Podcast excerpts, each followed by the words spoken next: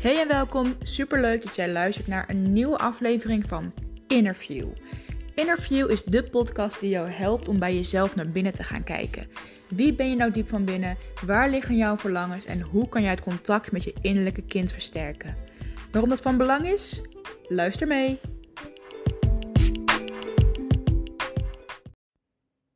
Superleuk dat jij weer luistert de zeventiende aflevering alweer. En in deze aflevering ga ik jullie meenemen in iets wat misschien ingewikkeld klinkt, iets wat misschien als ver van je bed klinkt, maar toch iets wat ik heel belangrijk vind in het stukje helen van je innerlijke kind. En ik ga het proberen om het je zo simpel mogelijk uit te leggen en dat jij op die manier het belang gaat zien ook om daar iets mee te gaan doen. Ik ga het met je hebben over OMPT. En dat is het opstellen van meergenerationele psychotraumatologie.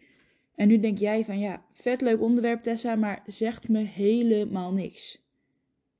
En dat is prima, want na deze aflevering weet je wat het is, weet je wat het belang is en weet jij wat je daar zelf mee kunt gaan doen.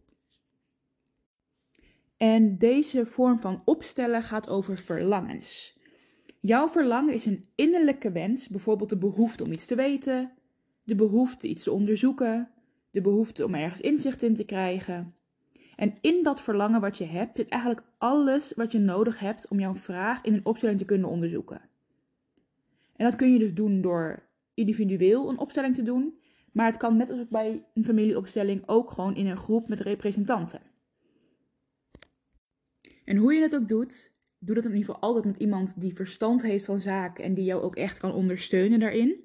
Maar daarna heb je eigenlijk altijd de tijd nodig om de nieuwe informatie tot jezelf te nemen.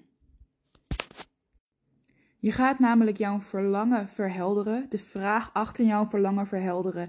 En daarna ga je dat verlangen en de eventuele betrokkenen plaatsen in een ruimte. En dat doe je dus of door poppetjes, plaatjes of door mensen in te zetten, afhankelijk dus of je individueel gaat doen of in een groep. En vanuit deze opstelling ga je dus heel zichtbaar krijgen welke stappen je kunt ondernemen om bij dat verlangen te komen, wat het belang voor jou is van dit verlangen. En op die manier krijg je heel veel antwoorden. Het helpt je namelijk om zichtbaar te krijgen waarom je jouw verlangen nu nog niet kunt aanraken, nog niet kunt realiseren. En vervolgens is er ook de aandacht om te kijken welke stappen er nodig zijn om het toch mogelijk te maken. En het is dus ook helemaal niet gek dat je na zo'n opstelling ontzettend veel behoefte hebt om even tijd voor jezelf te nemen. En geef jezelf die tijd dan dus ook, want dat is gewoon iets wat even processen los gaat maken bij jou, dat misschien emoties gaat losmaken en daar mag je de tijd voor nemen. En na een tijdje zul je merken dat de informatie die je uit een opstelling krijgt je eigenlijk ontzettend goed gaan helpen om de patronen in jezelf en de patronen in jouw omgeving te kunnen herkennen en op die manier dus gezondere keuzes te kunnen maken om dichter bij jouw verlangen te kunnen komen. En om dan weer even terug te komen op dat meergenerationele psychotraumatologie. Iedereen maakt in zijn of haar leven overweldigende situaties mee. En daarmee bedoel ik dingen waarmee je automatisch in die uh, vecht, vlucht of freeze reactie uitkomt. Dat zijn momenten dat je eigenlijk niet zelf bij machten bent om een situatie te sturen of te beïnvloeden. We kennen het vast allemaal wel. Dingen bijvoorbeeld als het verlies van een dierbare, een auto-ongeluk, het verbreken van een relatie, het overlijden van je huisdier of bijvoorbeeld het meemaken van natuurgeweld. Het zijn allemaal voorbeelden van zo'n overweldigende situatie waardoor je automatisch in dat vechten, vluchten of freeze reactie gaat uitkomen. En als jij heel goed met dit soort situaties kunt omgaan, splits jouw persoonlijkheid niet af. Je bent dan in staat om de bijbehorende emoties bij de situatie gewoon goed te kunnen verwerken en te kunnen doorlopen. En wanneer je dat niet kunt, ga je dus afsplitsen om een overlevingspatroon te kunnen ontwikkelen. Want zonder dat patroon ga je de situatie niet fijn doorlopen, kun je jezelf niet staande houden. Je stopt de ervaring van de overweldigende situatie weg en, en ontwikkelt daarmee dus een overlevingsmechanisme. En wanneer je dan weer een nieuwe overweldigende situatie meemaakt, moet je weer opnieuw gaan afvragen of je situatie kunt verwerken. En lukt dat niet, dan split je dus weer opnieuw af. Je kunt het een beetje voorzien als een boom. De stam is gewoon de basis die jij bent. Er zitten takjes op en zijtakjes op. En elke afsplitsing die jij maakt, is zo'n zijtakje. Eerst ontstaat er een grote dikke tak. Dat is de eerste afsplitsing. En vanuit die afsplitsing komen er allemaal kleine takjes aan. En al die takken staan dus symbool voor delen van jou. Delen van jou die weggestopt zijn. Delen van jou die aan de oppervlakte mogen komen. En wanneer, dus, wanneer het jou dus lukt om open te gaan staan voor het oorspronkelijke trauma. Want vaak zijn de dingen die wij denken dat ons bezighoudt en de dingen die ons het meeste kwetst, niet het oorspronkelijke trauma. En als het je lukt om dus dat oorspronkelijke trauma wel te vinden, en dat kun je dus doen door te connecten met dat innerlijke kind, door te luisteren naar haar verlangens, dus door zo'n verlangensopstelling te doen, kan je komen bij dat oorspronkelijke trauma. En wanneer je dat kunt helen en daaraan gaat werken, kun je dus al die zijtakken gaan afzagen. En daarmee vallen die beschadigingen die jij hebt niet weg, maar het gedrag wat je daardoor ontwikkeld hebt wel. Dus je kunt dan weer lekker vrij in het leven staan. Je hebt niet meer al die overlevingstechnieken nodig, al die overlevingsmechanismen nodig om staande te blijven. Jij kunt dan leren omgaan met de tegenslagen. Jij kunt het leren dragen van de emoties en hebt daardoor niet meer al die afsplitsingen in jouw persoonlijkheid nodig om staande te blijven. En al vanaf het aller, allereerste moment dat jij bestaat, kun je van dit soort overweldigende situaties meemaken. En je kunt dus eigenlijk ook al afsplitsen nog voor je geboren bent. Want stel je voor dat jouw moeder tijdens je zwangerschap zo'n overweldigende situatie heeft meegemaakt. En zij is daarmee niet voldoende in staat geweest om die ervaring te kunnen verwerken. Dan heb jij als baby waarschijnlijk haar stress gevoeld, haar spierspanningen gevoeld. En daarmee heb je dus die overweldigende ervaring meegemaakt en ben je dus afgesplitst. Je hebt gevoeld dat je moeder het niet kon dragen, dus kon jij het ook niet. En het is ook zo dat kinderen die geboren worden bij beschadigde ouders, en dat zijn dus ouders die zichzelf in meerdere stukken hebben afgesplitst, zelf ook beschadigd raken en zichzelf ook gaan afsplitsen om te overleven. En dat komt omdat deze kinderen in een hun ouders in een beschadigd deel ontmoeten en dus niet in een gezond deel kennen. Ze kennen alleen het feit je moet jezelf afsplitsen om staande te blijven. Je moet jezelf afsplitsen om in leven te kunnen blijven. En dus gaan ze dat doen. En dat is voor kinderen ontzettend verwarrend en ontzettend belastend. Zij willen die nare gevoelens helemaal niet ervaren. En zullen die stukjes van zichzelf dan ook weg gaan stoppen. Want zij worden eigenlijk extra belast met de belasting van hun ouders. Hun ouders konden niet omgaan met dingen in hun leven.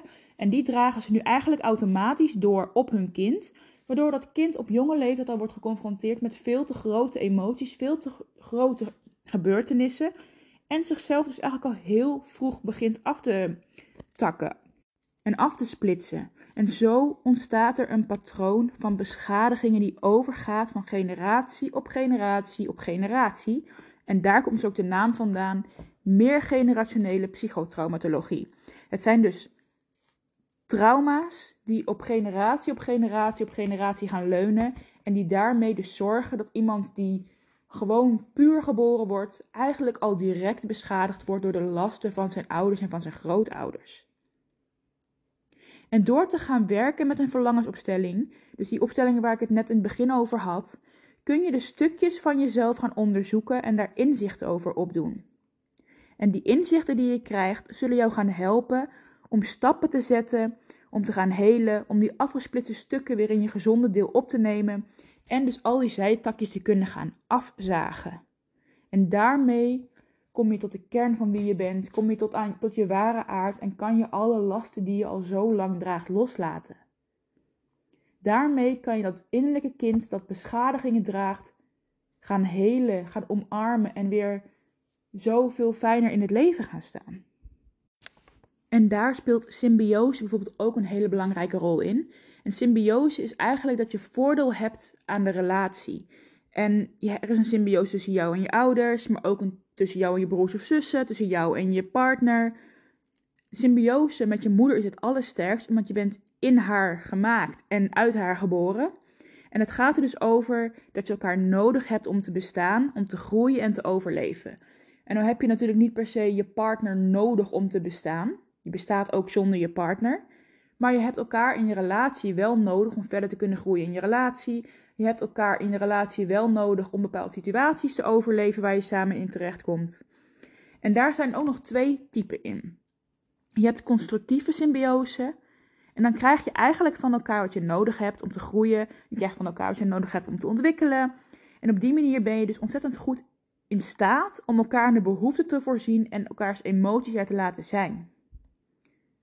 Jullie zijn dan dus in staat om elkaars autonomie te versterken en op die manier dus eigenlijk heel krachtig in het leven te gaan staan met z'n tweeën of met z'n drieën.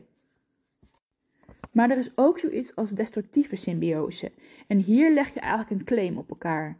En daardoor ontstaat er een schadelijke hiërarchie.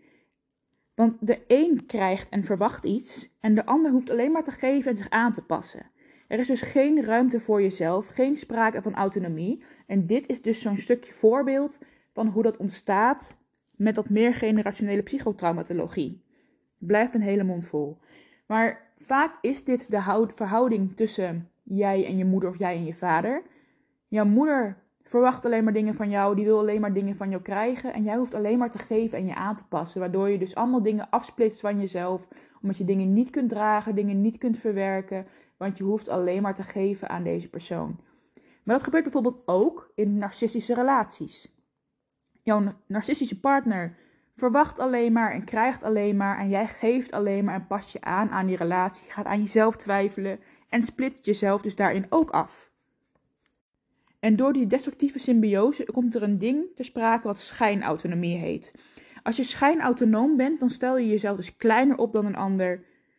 Of veel groter, zoals bijvoorbeeld een narcistische persoonlijkheid doet. Je past je aan wat volgens jou van jou wordt verwacht.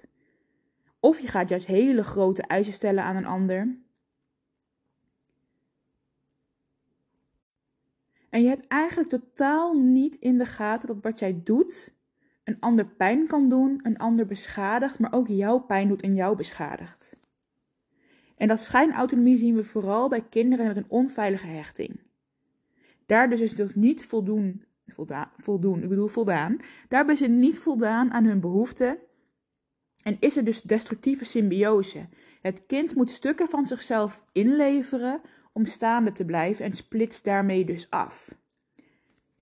Maar wanneer je wel die constructieve symbiose hebt, komt er dus wel autonomie en zijn je eigen normen en waarden dus eigenlijk ontzettend belangrijk. Je kunt zelf keuzes maken, je bepaalt zelf wie je bent. Je bent niet afhankelijk van een ander, je hebt iemands toestemming of goedkeuring niet nodig en je gaat zorgvuldig met anderen om. Je bent nooit bewust bezig met een ander beschadigen of pijn doen. En hoe mooi is het als je daar naartoe kunt gaan als je daar nog niet bent? Als jij nu uit die destructieve symbiose komt, als je nu die schijnautonomie hebt, kun je door dit verlangsopstelling te doen, kun je door het hele van je innerlijke kind toch die autonomie gaan krijgen en toch je eigen leven gaan inrichten en toch bewust bezig gaan met een ander niet beschadigen en een ander geen pijn doen. En misschien denk je wel van ja, maar ik heb eigenlijk wel die destructieve symbiose. Ik ben eigenlijk wel schijnautonoom, maar ik doe een ander helemaal niet bewust pijn. Dat doe je misschien inderdaad niet bewust. Maar het feit dat jij je afsplitst en het feit dat jij dus niet je ware aard laat zien, betekent dat als jij bijvoorbeeld kinderen krijgt, zij automatisch die beschadigingen meekrijgen en dus automatisch die lasten en die pijn ook dragen. En het is niet jouw schuld, maar je bent wel verantwoordelijk om het op te lossen en om jouw eigen regie terug te nemen en dus autonoom te worden over jouw leven. En daarmee ga je het leven van jouw kinderen en het leven van jouw kleinkinderen dus ook vermakkelijken en verzachten. Dus eigenlijk gaat dat meergenerationele psychotraumatologie vooral over jezelf aanpassen, daarmee trauma van generatie op generatie op generatie blijven neerleggen, waardoor er zo'n zwaar patroon komt en waardoor er zoveel pijn en last op iemands schouders rust die niet eigenlijk niet verantwoordelijk was voor je pijn en voor het verdriet en voor de ellende. Het gaat erover dat je leert te kijken naar wat voor jou van belang is, wat jij nodig hebt, waar jij naar verlangt. En te leren hoe je daar achteraan kunt gaan, hoe je je eigen innerlijke kind kunt helen en hoe je weer verantwoordelijkheid kunt nemen over jouw leven. Om bij jou de grenzen trekken tot hier en niet verder. En tuurlijk ga jij jouw kinderen en misschien ook je kleinkinderen nog beschadigen. Maar het zijn niet meer de lasten die jij nu draagt. Het zijn niet meer de patronen en de pijn die nu in jou meegaan, die jij hebt gekregen van je ouders. Misschien zelfs wel vanuit je grootouders. En wanneer we ons daar bewust van worden en daar iets aan kunnen doen, kunnen we de wereld zoveel mooier maken. Om puur en alleen omdat de generaties na ons niet al die pijnen meer hoeven te dragen, maar zelf kunnen ontwikkelen, zelf nieuwe ervaringen op kunnen doen. En daarin ook die tegenslagen en daarin ook zeker trauma's gaan oplopen. Maar ze dragen niet langer de pijn die niet bij hun hoort, die niet van ze is. En ik hoop dat jij door dit te luisteren je aangesproken voelt en dat je weet, dit is mijn verantwoordelijkheid. Ik ben verantwoordelijk voor mijn leven. Ik ben niet schuldig. Het is niet mijn fout dat ik dit draag. Maar ik ben wel de verantwoordelijke over mijn leven en om dus het verschil te gaan maken voor de generaties na mij. Ik hoop dat je dat voelt en ik hoop dat je ook de stappen durft te nemen om jezelf op die manier aan te kijken. En ik hoor ook ontzettend graag van je hoe jij erover denkt, waar je tegenaan loopt, waar je hulp bij zou willen. En ik wil je in ieder geval bedanken voor het luisteren. En mocht jij iets van jezelf willen laten horen aan mij, stuur me dan een berichtje via Instagram. Dat doe je op het account megumi.coaching. Of mail mij tessa.megumi.nl. Dankjewel alvast.